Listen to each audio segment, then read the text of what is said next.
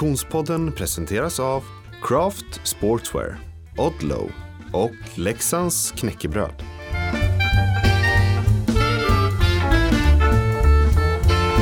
Hej och välkommen till Konditionspodden.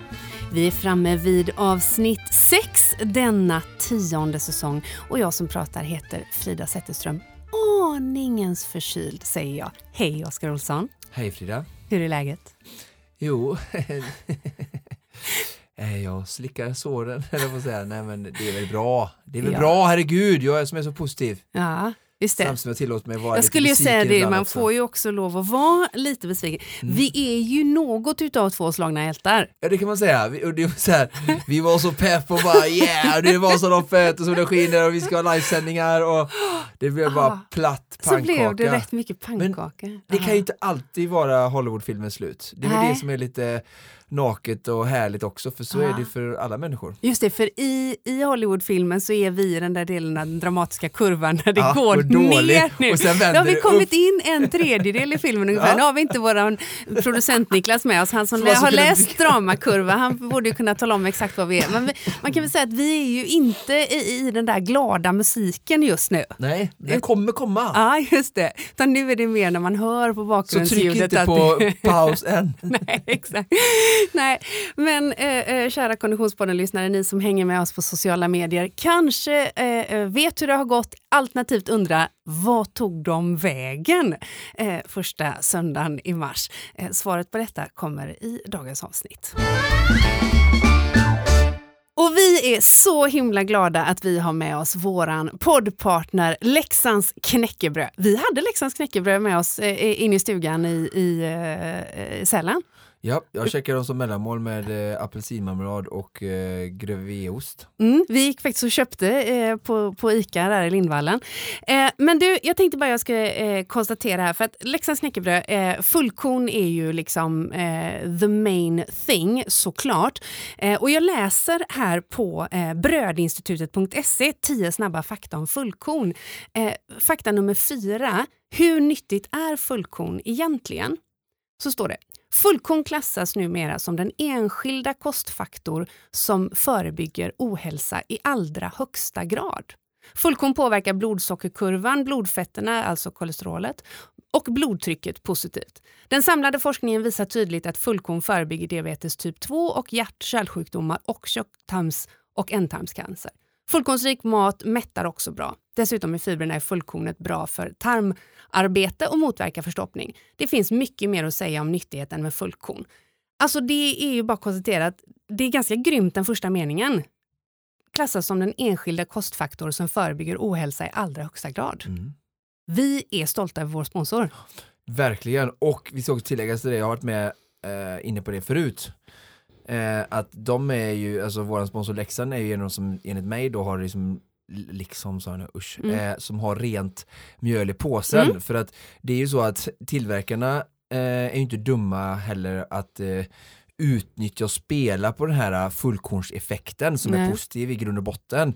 Eh, på det sättet att de lägger till att det är fullkorn och sen Mm. är det massa socker, sirap och skit i också som Mm. inte är bröd för oss. Så att, eh, jag vill ändå skicka ut en sån varningens finger att var lite obs, obs, bara för att stå fullkorn så betyder det inte att det bara är det. Ja, utan läs Men vägen. har ju Mm. inte några tillsatser och absolut inte sötningsmedel eller, eller tillsats socker då som det inte ska vara egentligen i, i bröderna. eh, Så, så att Mm. De går lite i bräschen eh, Mm. tycker jag på ett väldigt bra sätt. Så Mm, och har gjort det. men Mm. eh, med den då lilla brasklappen. Ja men verkligen och de har gått i branschen sedan 1817. Eh, Det var ju till och med innan Vasaloppet fanns. Exakt bara en sån och det har ändå funnits i typ 100 år. Typ 100 år. Ja, tack så mycket säger vi till Leksands knäckebröd för att ni hänger med oss den här säsongen. Det är vi så tacksamma för. Ja, eh, det har funnits i typ 100 år. Det är faktiskt det hundrade Vasaloppet som ska gå av stapeln nästa år. Det ser vi fram emot ju. Ja, vi har ju redan suttit här innan räcklampan eh, börjar lysa och planera inför nästa år för Ja. vi är ju revanschsugna båda två du och jag. Det är vi minst sagt. Om vi ska uppehålla oss kring det 99 Vasaloppet eh, i åtminstone ett avsnitt till eh, så kan vi konstatera att eh, för min del så tog det slut med en eh, Achoprusit nysning. Ja, och det som började så bra när jag plockade upp det Kungälv, du kom ut med två former lasagne och liksom förberedd topp till tå liksom, skidorna var inlämnade hos Jan för Valla, alltså allt var preppat. Ja, det var Lasagne verkligen preppat. och skidorna, allt. Ja. Vi hade till och med overnight oats färdiga med i bilen. Ja, bara en Eh. sån grej, slippa stanna på liksom något tacky. Ja, det jobbar vi inte med. Nej. Nej, men vi kom ju upp, eh, ehm, när kom vi upp? Vi kom Torsdag, torsdag. kväll Ja, vid sjutiden. precis. Eh, och och eh, fredagen tillbringades med eh, eh, stafettvasan, vi kommer återkomma till den. Men på fredag kväll så började jag känna, det här är inte helt rätt. Det kliar i halsen. halsen. Ja, och jag blev förkyld. Och då är det ju helt enkelt så att bor man tillsammans i en stuga, även om jag fantastiskt förmånligt hade eget rum, eh, så vill man ju inte utsätta varandra för smitta såklart. Så jag isolerade mig på mitt rum, insåg natten mellan eh, fredag och lördag att det här kommer inte att funka. Jag fick komma in med servera dig paj på sängen. Ställde den lite så på ett ett hörn.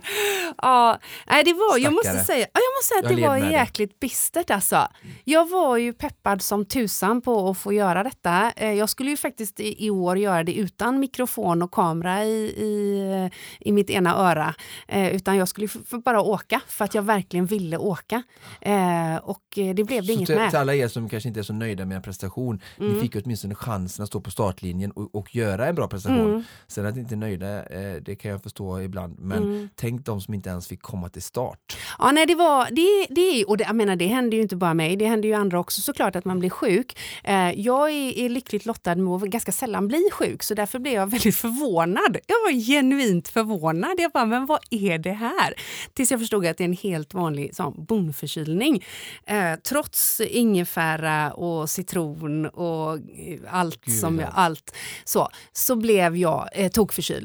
Åkte hem eh, lördag förmiddag, grät i bussen på väg till Grums. Förstår dig. Eh, faktiskt. Eh, och, Du skickade en sån eh, bild på Ah. en rallybil som var på en släpkärra som var bogser hem. Va? Det är ungefär så här jag känner mig nu. Det var liksom bara en kaross utan motor. Ja, det var eh, mycket, mycket tråkigt. Eh, tack och lov så har jag varit redigt förkyld. För det var min stora skräck när jag kom hem på lördag kväll. Att jag inte skulle vara så dålig. Att jag skulle åkt hem i onödan. Att du behöver ta bilen upp och Ja, köra över natten. det hade inte gått. Men jag var i alla fall vrålförkyld så att, eh, det blev ju inget med min start. Jag har eh, kvar min sån här startpåse med nummerlapp. Jag har inte, jag har inte idkats att slänga den än utan jag har kvar den bara. Ehm, men eh, eh jag är väldigt peppad på att ge mig i kast med Valas- Vasaloppet fyller 100 år, höll jag på att säga. Det, hundrade nästa år. Eh, skam den som ger sig. Det irriterar mig dock att den här lilla minisviten som jag ändå hade going, eh, att det här skulle blivit min fjärde gång på raken, den är ju nu bruten. Jäkla skit. Mm. It is what it is. Men du, eh, eh, om vi eh, hoppar tillbaka i tiden och eh, landar på fredag morgon uppe Mm. i Sälen. Då är det dags för, nej förlåt, lördag menar jag. Fredag. Fredag, fredag morgon. Då är det dags för stafettvasan. Ja, vi kom ju upp eh, ganska sent på torsdagen så det var ju verkligen att eh, hitta en, en snabb eh, förberedelse Mm. för att eh, prestera. Mm. Eh, du som expert social media content manager som du skötte med bravur och jag då Johannes eh, från eh, Team Länsskyddsspecialisten och då medlemmar i SK Glädjen som deltagare. Precis. För eh, SK Glädjen var ju klubben, eller är ju klubben som ni faktiskt eh, då tävlar för. Mm. Eh, eh, och de har ju ställt upp i stafettvasan många gånger. Mm. Göteborgsklubb som ämnar att bara sprida mer glädje i skidspåret. Mm, och- Vilket jag tycker är härligt för att det kan ju vara lite så här skidsporten, lite så här grumpy Ja, old men. just det. Det ja, är lite lite pretentiöst kan det också vara, det kan också minst vara, sagt. Det är minst sagt. Det har du Ja. fått känna på i Borås eh, skidstaden. eh, så det här är så här, slappna av, ha kul, mer glädje. Ja, det är ju verkligen deras ledord eh, eh, och de har ju ställt upp i stafettvasan många gånger. Eh, Mm. De är ju peppade alla gånger. Thomas Ottosson i spetsen för SK Glädjen är ju ett eh, välbekant namn och röst för Konditionspodden. Eh, men i år så tror jag liksom eh, peppnivån slog i taket Ja. av insikten att de hade två elitledsåkare med i sitt eh, startfält. Ja, Ja. Eh, eh, du och Johannes diskuterade vem som skulle ta första sträckan. Ja, jag skulle ju ta den först och lite tanken och sen så har Johannes haft lite problem med höften och sådär så vi bytte dagen Ljumsken, innan. va? Eh, ljumsken. Ja. Eh, och eh, ja, jag sa att det spelar ingen roll, ta det som du är mest bekväm, be, bekväm med. Mm. För han tyckte lite mer upp och ner från Munksbodarna till Eversberg då, som är andra sträckan. Så han sa jag tar gärna första sträckan då. Eh, Mm. och sa inga problem. Så vi var där på start och jag och, och Thomas och såg till att han kom iväg och Mm. resten av klubben stod eh, i första backen och, och skrek och heja. Jajamän, som vi heja. Eh, och i eh, Mångsbodarna då, eh, eh, efter två mil ungefär, så bytte Johannes över till dig. Yes. Och vad hände i Oskar Olssons huvud då? För det går inte att komma ifrån att någonstans här så avgörs hela Vasaloppet. Nästan så. Nej men du, du var ju med där i början, jag var ju så här, du vet, testa skidor innan, Ja. jag gick ju verkligen in för uppgiften. Vilket och, är härligt. Ja, alltså det är, jag har svårt när det är nummerlapp och sen även när det är lagarbete och sådär så vill jag gärna inte, ja vill jag gärna dra mitt strå till stacken och sådär. Eh, eh, Lojalitet är någonting som jag verkligen värdesätter både hos mig själv och hos andra så äh, men jag gick verkligen in för uppgiften och du, jag, du kommer ihåg, du stod där och väntade, jag sa jag skulle gå in i startfållan där, jag stod och hoppade och Mm. ja, peppade och ja, jag var ju väldigt övertaggad minst sagt kan man säga. Det var ju inte VM i skidor men eh, det var ju stafettvasan som Mm. folk liksom gör oftast med en klackspark och liksom, ja, ja det är ju några lag som, som jag såg eh, efter som stoltserar med att de har vunnit eh, flera gånger och, och som verkligen går in för det. Men Ja. majoriteten av lagen eh, ser det som en rolig grej, vil- vilket det såklart ska vara. Men eh, jag har lite svårt där att, eh, att det var en rolig grej för mig också, missuppfatta Ja. mig inte. Nej, det var en jag går verkligen grej. in för Ja. det. Frågan är hur mycket Eh, den kostar bara. Ja, Det det. och eh, nej, men jag gav mig iväg där och Mm. alla hejade och skrek, så det var ju adrenalinstint som aldrig förr och eh, solen sken, det var ju en riktig propaganda för Magisk. alltså, ni som inte har upplevt Vasaloppet i någon form än, bara åk upp eh, och, och bara anmäl er, alltså, både, alltså allt ifrån funktionärerna till miljön och, och alltså hela inramningen är alltså verkligen eh, something special och Mm.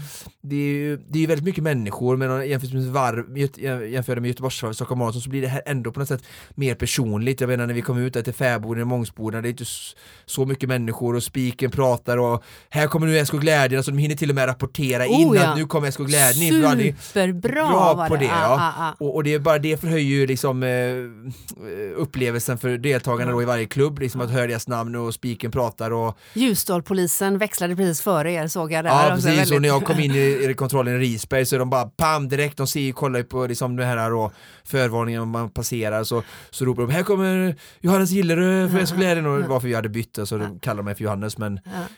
jag, jag hörde bara Oskar. Nej men alltså skämt åsido, alltså det var ju ehm, alltså det blir så engagerat och så personligt på något sätt. Mm, mm. Ehm, så jag rycks ju med i allt detta och så till, till, till detta hör ju också då att eh, ni var ju grymma, ni stod ju hela då liksom klubben och, och ni teamet, du och Johannes stod i den här första backen upp mot Risberg ur, ur Tänning Mm. som är ganska många höjdmeter och bara skrek och ja, jag körde ju om folk, Johannes hade ju klokt nog tagit det lite lugnt eh, på sin Mm. sträcka eh, med tanke på söndagens utmaning då. Ehm, så jag hade många att köra om och även om det är klart- att det är människor kanske som inte är riktigt på min nivå som, som, du kör, som jag kör om så, så är det ju någonstans lite Ja, nästa rygg till också, ja, nästa rygg och, så, Mm. så, och för varje rygg som kom så blir de ju svårare att plocka in för det var ju bättre ja, människor på något sätt ju, ja. ju längre ner i resultatlistan eller högre upp i resultatlistan vi, vi klättrade då. Mm. Så, så liksom era hejarop gör ju också så att jag rycks ju med, jag är en sån person som verkligen rycks med av the moment, eh, gå med en, jag har en känsla och så bara följer jag den i stunden och det finns ju kanske något härligt med det ibland och sen eh, Klart det gör. ja. Hur medveten var du där och då om hur din pulskurva såg ut? Jag tittade ganska mycket på klockan Ja. och såg, eh, ja men det känns ju så bra, Ja, men det är ju för högt. ja. Men det känns ju så bra, ja men, Men det är för högt. Så det valde jag hela tiden med och, Ja. och jag, men jag, jag förmådde mig inte själv att, eh, alltså Nej. Alltså det är en sak, det kändes ju bra någonstans för jag hade ju vilat väldigt mycket från öppet spår Mm. Så någonstans var ju kroppen väldigt förberedd för att ta ut sig annars hade jag inte kommit upp i så hög puls under den stafettsträckan Alltså hade jag varit sliten så hade jag inte klarat att, komma upp i puls på något sätt sådär men Och jag kände verkligen mig stark och Mm. Jag jämför tiderna nu bara då Johannes som hade en väldigt bra tid och det är olika dagar och före och så det vet jag om men hade ändå så här en och en halv minut bättre sträcktid mellan Mångsboden och Evertsberg än väldigt många duktiga åkare på söndagen sen Mm, då, som har mm. åkt i klunga och kanske fått hjälp och jag åkte ju solo där nu, nu åkte jag bara 24 km men ändå är jag ju mycket sämre än dem så att det säger ju lite hur, vilken insats jag måste ha gått med för att Mm. kunna åka så fort. Ja, men vi kan konstatera att eh, eh, fredag förmiddag mellan eh, Mångsbodarna och eh, Evertsberg, eh, som alltså är andra sträckan i eh, stafettvasan, så maxade Oskar Olsson. Ja. Eh, eh, Utan att, och jag befann mig där och då, Ja. i nuet, som Ja. jag så ofta brukar. Precis som jag försöker vara väldigt här och nu Ja. i den här poddinspelningen. och det är vi Och jag var inte sönd första söndagen i mars. Nej, fokus. just det. Just det. Eh, sedermera gick hela SK Glädjen i mål eh, med massor av glädje. En halvtimme nästan i ny rekordtid och Just det. 13 plats och Ja. jag tror har 59 som bäst innan så det var ju personbästa så det skrek om det. Och, Ja, ja Mm. det var verkligen eh, det var en eh, lyckosam stund. Eh, bortsett från det faktum att jag började inse att jag blev, för, blev sjuk, eh, så var det verkligen en, eh, eh, en väldigt härlig stund Ja. och en stor framgång för, för Stafettvasan. Och all cred till arrangörerna av Stafettvasan. Det var Ja. min första upplevelse Ja. från start till mål.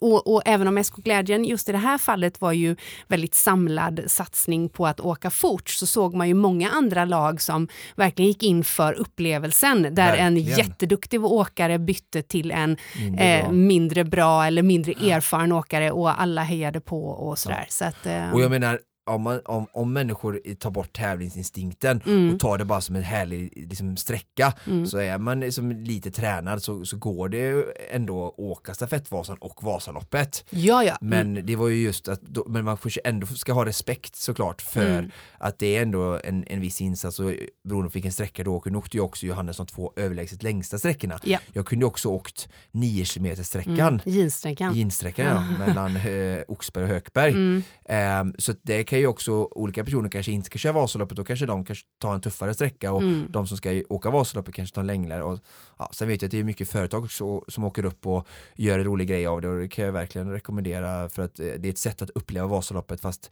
inte åka Vasaloppet ifall man inte vill eller inte känner sig förberedd. Eh, det blev i alla fall eh, eh, fredag kväll. Eh, vi körde en livepodd på Konditionspoddens Instagram. Eh, jag blev sjuk, det blev natt, jag åkte hem. Du började testa skidor. På lördag ja. Ja.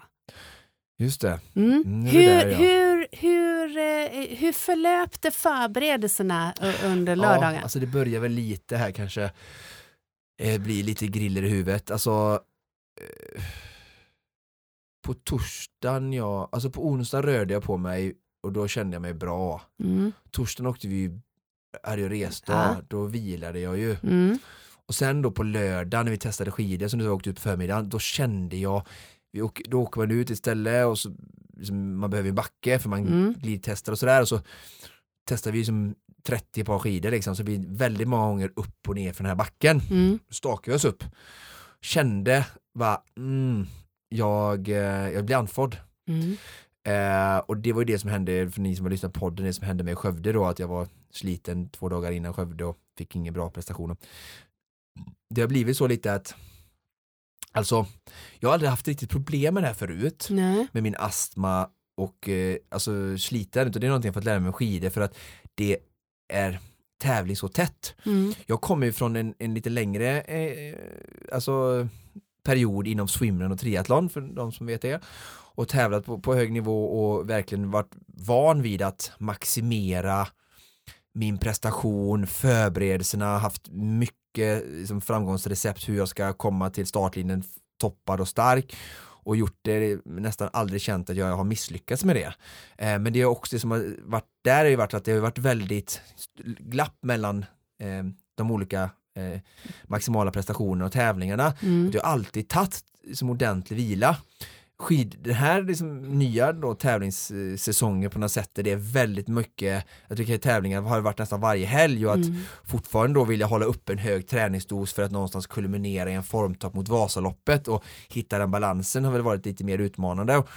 Och jag då har lärt känna mig själv mer då och min astma just att min, när jag inte är riktigt återhämtad så får jag mer, alltså när kroppen är lite sliten, det kan vara ryggen, diafragman och ryggpartier, musklerna runt omkring diafragman är spända och stela det, som de är efter en, en hård utmaning så, så, så eh, bara känner jag mer av, av min astma. Mm. Men, men vilar jag så, så, så är det klart, då Mm. är jag i balans. Mm. Så när jag började åka upp för mig liksom backarna vid skidtesten så kände jag så här lite så här känns, alltså jag blev andfådd för, för lätt helt Mm. enkelt. Det påver- Och då börjar jag ju känna så här bara okej, det här var ju inte bra. Så är jag då återigen den här överbotliga optimisten att en natt, one more sleep och Mm. så så ska jag nog vara good to go på söndag. En fråga där kring astman och den, den nya situationen som, som skidsporten har inneburit. Eh, påverkar temperaturen? Eh, nej, alltså den gjorde det lite förr. Mm. Eh, För, för, för jag hade ansträngningsastma back in the days och Ja. då för mig var ju temperaturen helt avgörande. Jag blev alltid mycket sämre Mm. på vintern. mm, Kall luft eh, triggade ansträngningsastman. mm.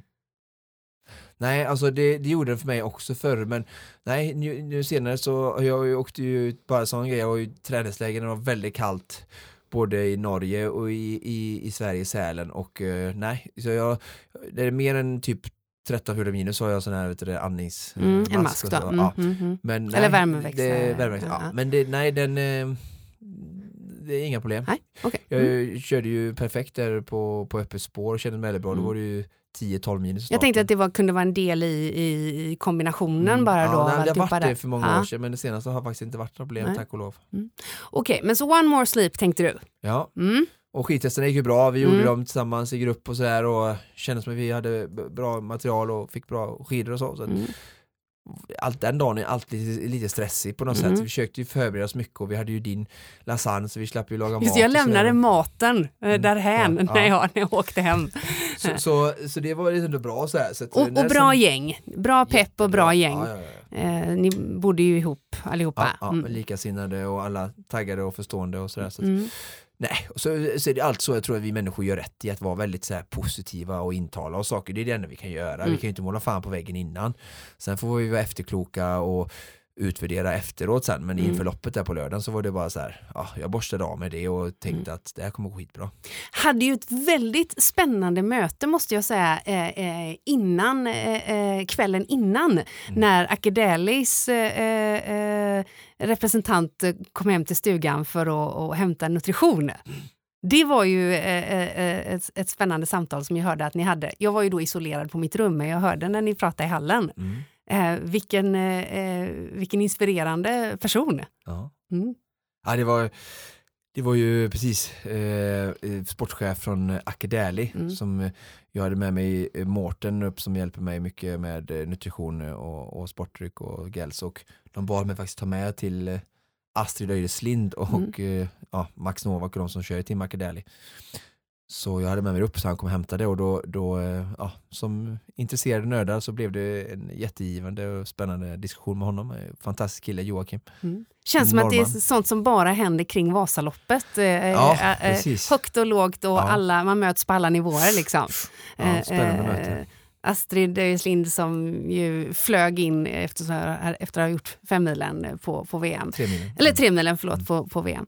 Eh, men okej, eh, tillbaka till eh, sista förberedelserna. Eh, det här var ju din första gång i elitledet. Eh, eh, det innebar ju en del förberedelser som, som du inte hade varit med om tidigare. Teammöte digitalt innan.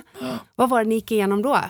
Nej men det var ju så här eh, referee, så här, domare som gick igenom eh, regler, eh, vilka förutsättningar vi har kring langning och, och startprocedur och när Ski Classic-åkare ska vara inne i follan och ja, mycket sådana saker. Sen prisceremonier och ja, just det här med langningszoner och sånt där som är väldigt viktigt och som Mm. man kan bli diskad av. Och det var ju svinproffsig, grym genomgång alltså och väldigt värdefull för oss som som okej, då får vi koll på detta och så vet vi vad som gäller och ja, just det här mycket med elitakkreditering så att bilar och våra langarteam kommer fram och, och sådana saker som är viktigt. Så att, eh, det var ett jättebra möte. Mm. Eh, Och för den Konditionspodden-lyssnare som, som inte själv har eh, eh, kommit hela vägen fram till elitledet men kanske eh, kämpar med siding och liknande. Vad var då den största fördelen skulle du säga i förberedelsefasen? Liksom? Nej, men det är ju att du inte egentligen behöver stå och köa om du inte vill stå längst fram i elitledet och, att du får parkering långt fram och, och har alltså din bil med utrustning och sådana saker och att eh, ditt team kan komma in på parkeringen Mm. nära för att det innebär också att de kan komma, alltså du slipper åka in på den stora parkeringen.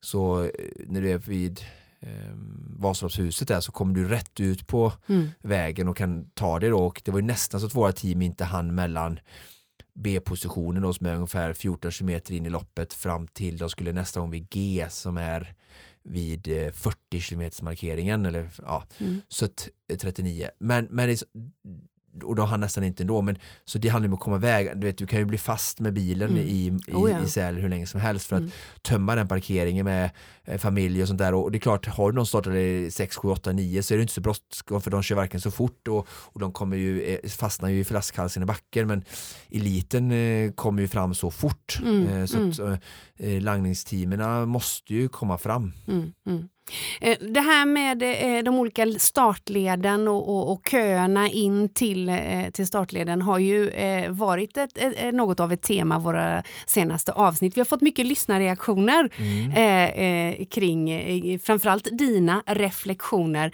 eh, på det här med eh, startleden i eh, Vasaloppet. Jag vet att det är en eh, lyssnarreaktion framförallt som eh, du vill lyfta upp eh, som hade liknande eh, tankegångar eh, som du redan har eh, lyft kring hur man skulle kunna göra för att underlätta i den här processen. Ja, eh, Johan heter han och det, han är en av många som har eh, alltså, hackat på lite på det avsnittet. Jag, alltså, jag är oftast öppen med eh, saker och ting i allmänhet, vad jag tycker och sådär och försöker på ett ödmjukt sätt bara lyfta till debatt och är Mm. för att vi bara debatterar och vågar prata om saker som vi kanske ibland är lite hysch sådär för att ja, bara nå förbättring och utveckling och Mm. just då när det avsnittet, jag kommer inte ihåg vilket det var nu senast här nu så, så um, det här med startleden som jag pratade om och hetsen och köandet och vad det kan göra människor och skapa för, för problem Mm. Ehm, så fick jag väldigt mycket gehör och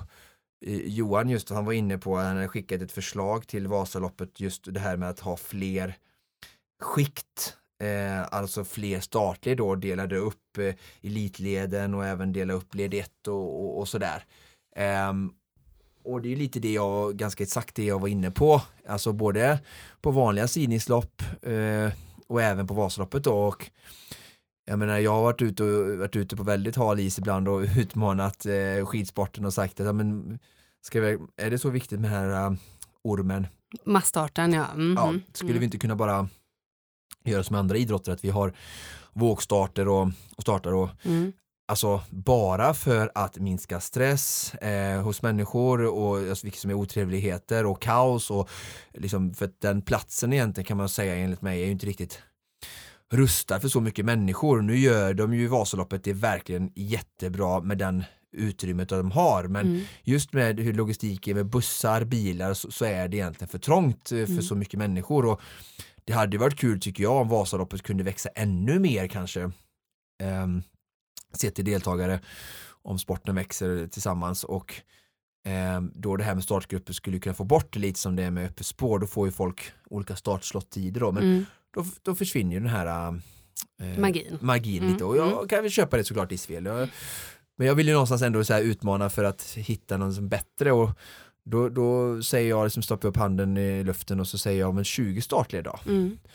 Eh, om vi ska bara släppa det för en sekund att eh, det måste inte alltid varit förut och jag menar bara så här att om vi bara jo- gjorde det till som en, som en första del och ett- då då skulle, alltså, mitt syfte med detta är att få bort det här kön, att folk ska behöva Ja. ha sådär så okristligt Mm. tidigt och jag menar i led 1 och där du har, och led 2 då har du väldigt mycket duktiga unga killar och, och tjejer som är väldigt tränade så, så kommer det män, gubbar då som bara liksom går upp 1.30 eller 2 på natten och sitter eller har fruar som sitter som jag sa i de här stolarna och sådär som kommer hamna före och det, det tycker jag känns lite orättvist och onödigt Mm. för det är så stor spridning mellan leden. Alltså, om du bara skulle ta ja, men 1A, 1B, 2A, 2B, 3A Mm. och det går ju bara egentligen sätta upp eh, tio stycken till sådana här inpasserings Mm. eh, Slottar, gates liksom. som Mm, de har mm, uppe mm, nu då och, mm. och ha fler starter helt enkelt och så sida in sig precis på samma sätt eh, Mm. med tider och tidigare prestationer eh, som vanligt så att du ännu mer får det och inom de främsta leden kanske skulle du gå ett steg ännu längre att mellan i led 1 och 2 och nollan så skulle du ha kanske 3-4 olika Mm. skikt. Mm, mm. Eh, just för att som sagt folk ska kunna komma till starten vid, vid sextiden kanske eller 6.30 och, och, och inte behöva liksom oroa sig, stå i kö och frysa för det blir, liksom en, det blir en sämre upplevelse och, och en sämre prestation hävdar jag. Och Mm.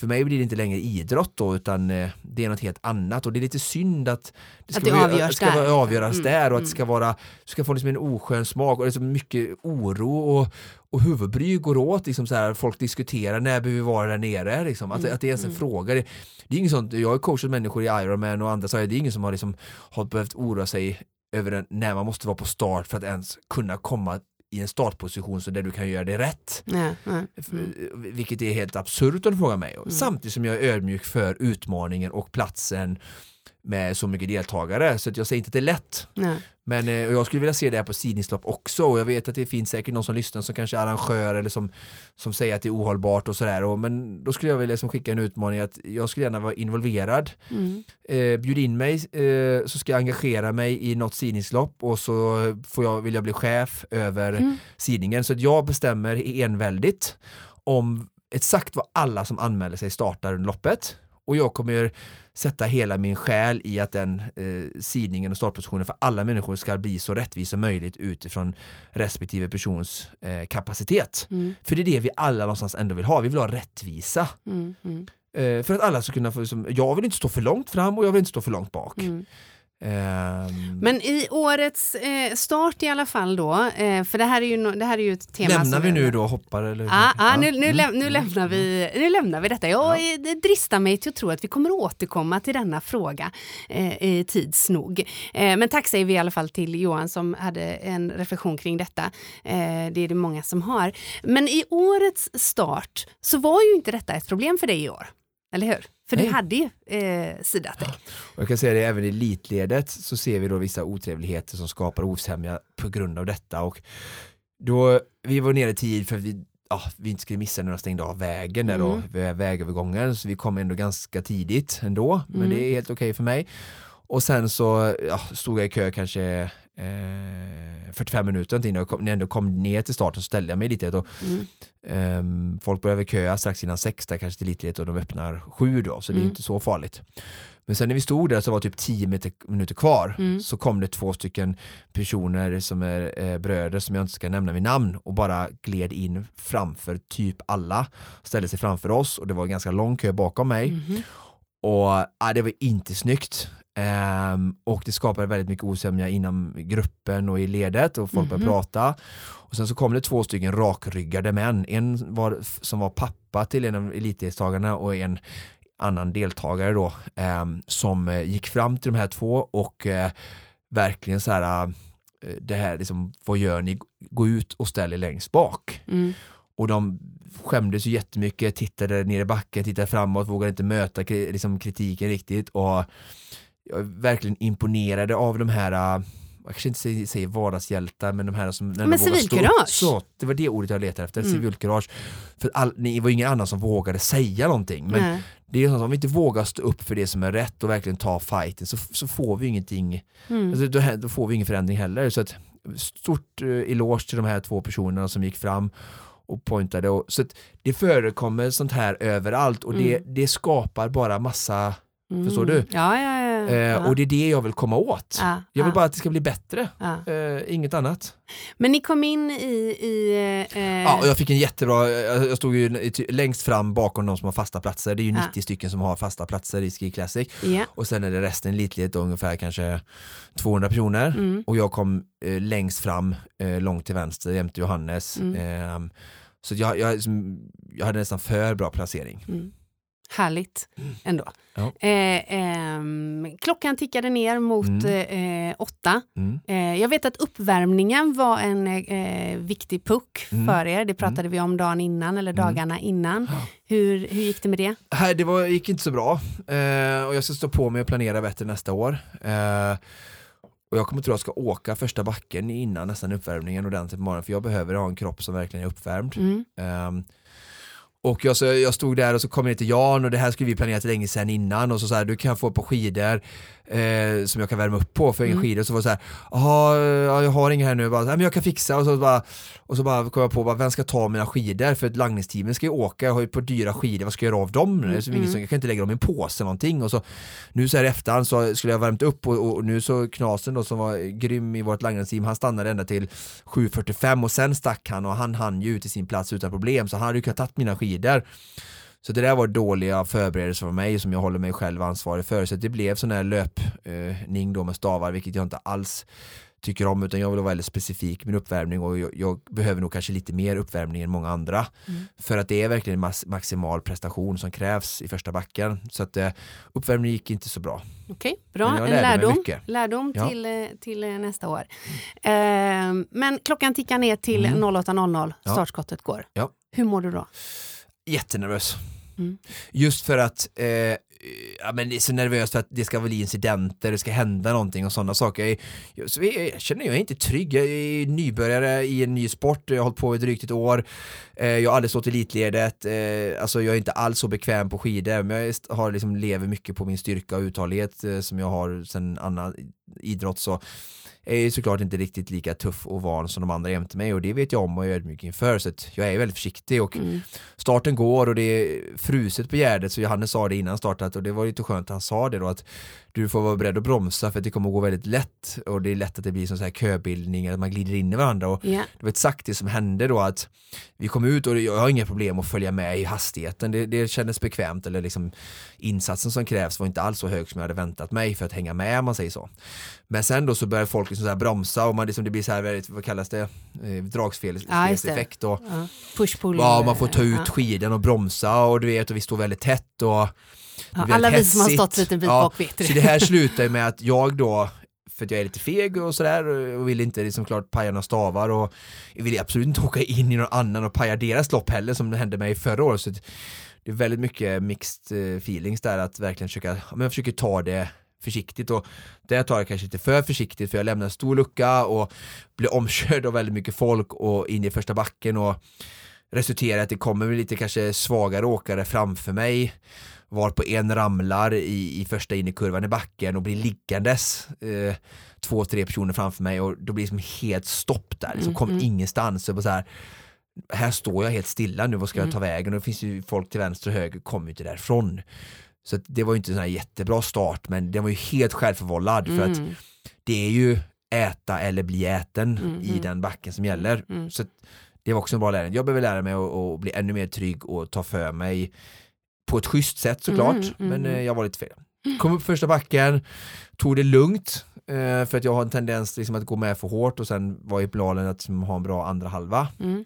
Så i och med incidenten och att jag tog det lite lugnt så var det lite, kanske lite väl lugnt upp till toppen men Mm. kom upp där och sen var det bara som vanligt för mig då att jobba mig uppåt Mm. eh, i, i, i formationer, de här klungorna så jag åkte i en klunga och så försökte jag få igång ett samarbete och sen slutade det ofta med att jag blev, blev ensam en stund och så kom upp en ny klunga, försökte gå in där, vila, få ner pulsen vara strategisk och sen fortsätta så, så hoppade jag lite så Mm. från klunga till klunga Mm. första timmen i alla fall. Mm.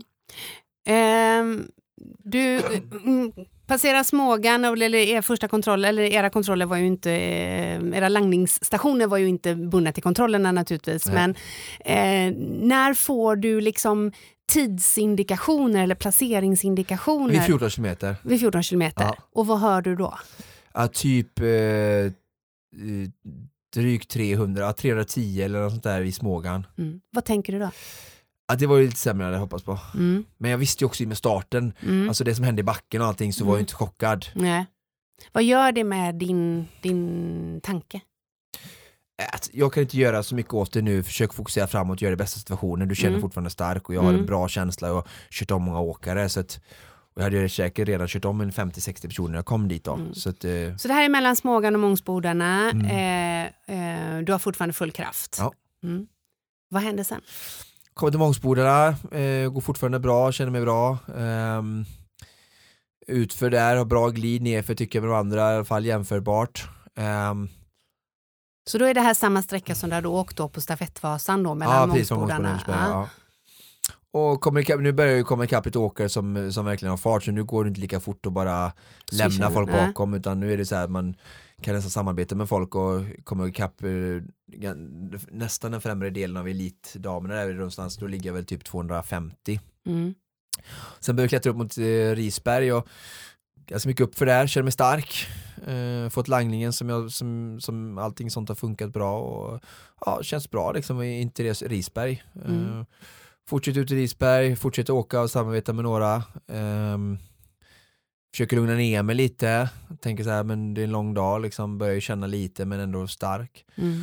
Och sen så kom vi upp på Evertsbergssjöarna där så börjar jag slita. Då kommer det lite i den nysnö som ligger vi staka utanför spåret och sådär. Och känner kanske lite att glidet sviker mig lite mot vad det gjort innan då. Eh, hela tiden då såklart i jämförelse med de andra. Mm. så började jag liksom så här tvivla lite under mina skidor liksom eh, ja men alltså, jag ska inte säga att jag, jag alltså, det var inte skidorna som någonstans avgjorde mitt av Vasalopp på något sätt så. Men sen då typ 5-6 km innan Eversberg så bara, bara wow, jag har ingenting längre att köra med. Mm. Eh, bara, kroppen stänger ner i princip, liksom, pulsen sjunker, jag kan inte få upp den längre. Ehm, ja, tappar i den klungan jag åker med. Och sen från Eversberg så är det bara SOS 1-2 hela vägen till mål. Eh, ja, Känner du muskulärt i speciella muskelgrupper också eller är det liksom mer än överlag styrka? Alltså, Ja, jag känner såhär, jag orkar hålla bra teknik och sådär liksom, men det, bara Ja. det händer ingenting och det, det känns så, det är lite så här som jag tog slut på, på Supervasan när jag sprang och sådär, så det Mm. känns som att jag kör fort fast jag kommer ingenstans. Jag tittar ner på klockan och tänker så här att så som upplevde jag är nu, det känns som jag har momentum så borde jag springa i 4.30 och så står det ett 5.50 på klockan. Mm. Det går liksom inte ihop. Mm. Och det var samma sak, jag kom till Oxberg, jag kommer ihåg, då kom Jenny Larsson och Linn Sömska, de här duktiga eh, damerna, kom bara swoosha förbi mig och gled ifrån mig ut från Oxberg, jag försökte ligga i suget, sen försökte jag, jag tänkte jag ska staka kapp dem och åka med dem in till mål, Mm. det, Oskar det kan du klara, du liksom. Mm. Bara. Och jag här, nu kliver jag av, jag utsätter mig inte för detta. Och sen säger du så här, vad är vitsen med att komma in i mål sämre än förra året efter att du har tränat ett helt år och hävdar i någon podd att du har blivit bättre och att du är peppad och ska gå för topp 200. Ja. Vad, vad skulle du ens gå i mål för det? Vad är, Ja. vad, vad är De här värdet i tankarna det? snurrar i huvudet. Då. Och sen på andra axeln bara såhär, Oskar, du bryter inte. Nej. Man gör inte så, man hedrar sina motståndare, du hedrar loppet, du hedrar de som har hejat på dig, du hedrar ditt team som står bakom dig och åkt hit med sin dyrbara tid och langar. Sluta gnäll och ta dig till mål. Och jag så här, det kan bara ta sju timmar var det som känslan då. Så att jag ens kom in på den tiden jag gjorde var så här, ja, Ja. för det, folk bara körde om mig från höger och från vänster. Mm. Eh, otroligt demolerande mentalt, eh, baserat på all tid och engagemang jag lägger ner. Det var väldigt mycket mörka tankar, mörk plats. Och, men samtidigt som sagt här efteråt, alltså, när vi är på väldigt mörka platser i livet så, så lär vi oss väldigt mycket om oss själva och det, det går att hitta mycket styrka där också. Mm. Det tog ju inte sju timmar. Eh, Nej, det var väl för väl det, för då hade de ju stackars eh, langarna fått vänta alldeles för länge. De vill också hem och äta och sova. Men det blev ju då en tid eh, som vi redan har avslöjat som eh, inte alls blev motsvarande eh, förväntningarna, dina egna framförallt. Ehm, ja, vi lär oss att gå vidare. Ja, Ja. jag gjorde ett inlägg eh, i morse, verkligen så, många människor lägger ut saker nu med sociala medier eller på andra ställen och skriver om nu ska jag göra detta och detta. Sen när det inte går bra så, så är det helt tyst och Mm. jag är lite allergisk mot det, jag försöker, vill verkligen vara så här transparent med i både med och motgångar. Mm. och, och att för att få, bara för, alltså för inspiration och för att jag vet att andra människor, det finns ingen människa som lever ett liv utan motgångar. Och det kan ibland vara lite tabu att prata om det men ju mer vi kan vara transparenta och öppna om det så kan vi lära oss varandra och vi kan få förståelse av varandra när vi själva går en motgång och så ser vi att någon annan har det så kan vi få möte och förståelse kanske genom det och ja, eh, bara som sagt vara transparent i med och motgångar. Mm, men jag, att, jag, jag måste bara säga att jag, jag tror inte det egentligen är tabu att lägga ut eller eh, att, att, liksom, att prata om motgång. Det är väl mer bara att i ett sårbart läge som människan är eh, i efter en motgång eller en sorg eller en, eh, ett uppbrott eller vad det nu må vara så, så kanske man inte kan sortera sina tankar och det känns inte som att man kan ge en rättvis bild. Det handlar kanske inte om att man vill skö- försköna bilden egentligen utan bara att man kanske vill man kanske inte ens har kraft att kommunicera. Jag tycker vi ser det eh, när man ser eliten bli intervjuad i tv och, och det är lätt att man kritiserar att de inte eh, säger eller är ärliga men jag tänker att det, det kanske inte ens finns utrymme. De, kanske inte, de, de, de, de hittar inte orden. Liksom. Jag tänker att det är ganska mänskligt. Liksom. Um, men du gjorde ett inlägg i morse. mm. Mm.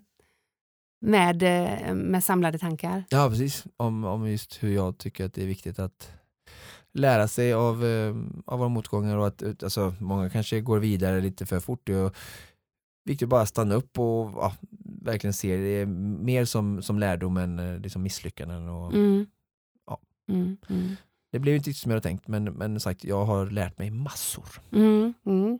och går vidare starkare. Ja, men eh, onekligen. Och vi har ju nämnt de eh, andra i teamet. Eh, eh, vi måste också bara konstatera att det var, det var ju flera i teamet som gjorde eh, fantastiska prestationer. Eh, vad, vad, vad skidade de in på? Johannes blev ju 123 Ja. Efter Men- en krasch. Ja, där han tappade skidan. Ja. Så att eh, även han hade en motgång och nådde inte sitt mål om en topp 100. Och, eh, Theodor hade ju ett mål om, om 150 och kom väl ja, strax under 200. Så Mm. det, det går inte alltid vägen och det är utmaningar och det är ett långt utmanande lopp och det, det är väl också det som gör det attraktivt att det är inte bara att ställa ut skidorna och, och tro att det ska gå utan det är mycket saker som du som atlet ansvarar för att det ska stämma. Jag menar, ja, en krasch eller tappad skida eller stavar alltså jag hamnade i incidenten i backen där alltså i, i grund och botten enligt mig så har vi bara oss själva att skylla att eh, hålla oss borta från incidenter för att Mm. det går inte att skylla på slumpen hela tiden heller utan eh, det gäller att vara smart och taktisk och det är inte lätt, det är jag den första att erkänna men Mm.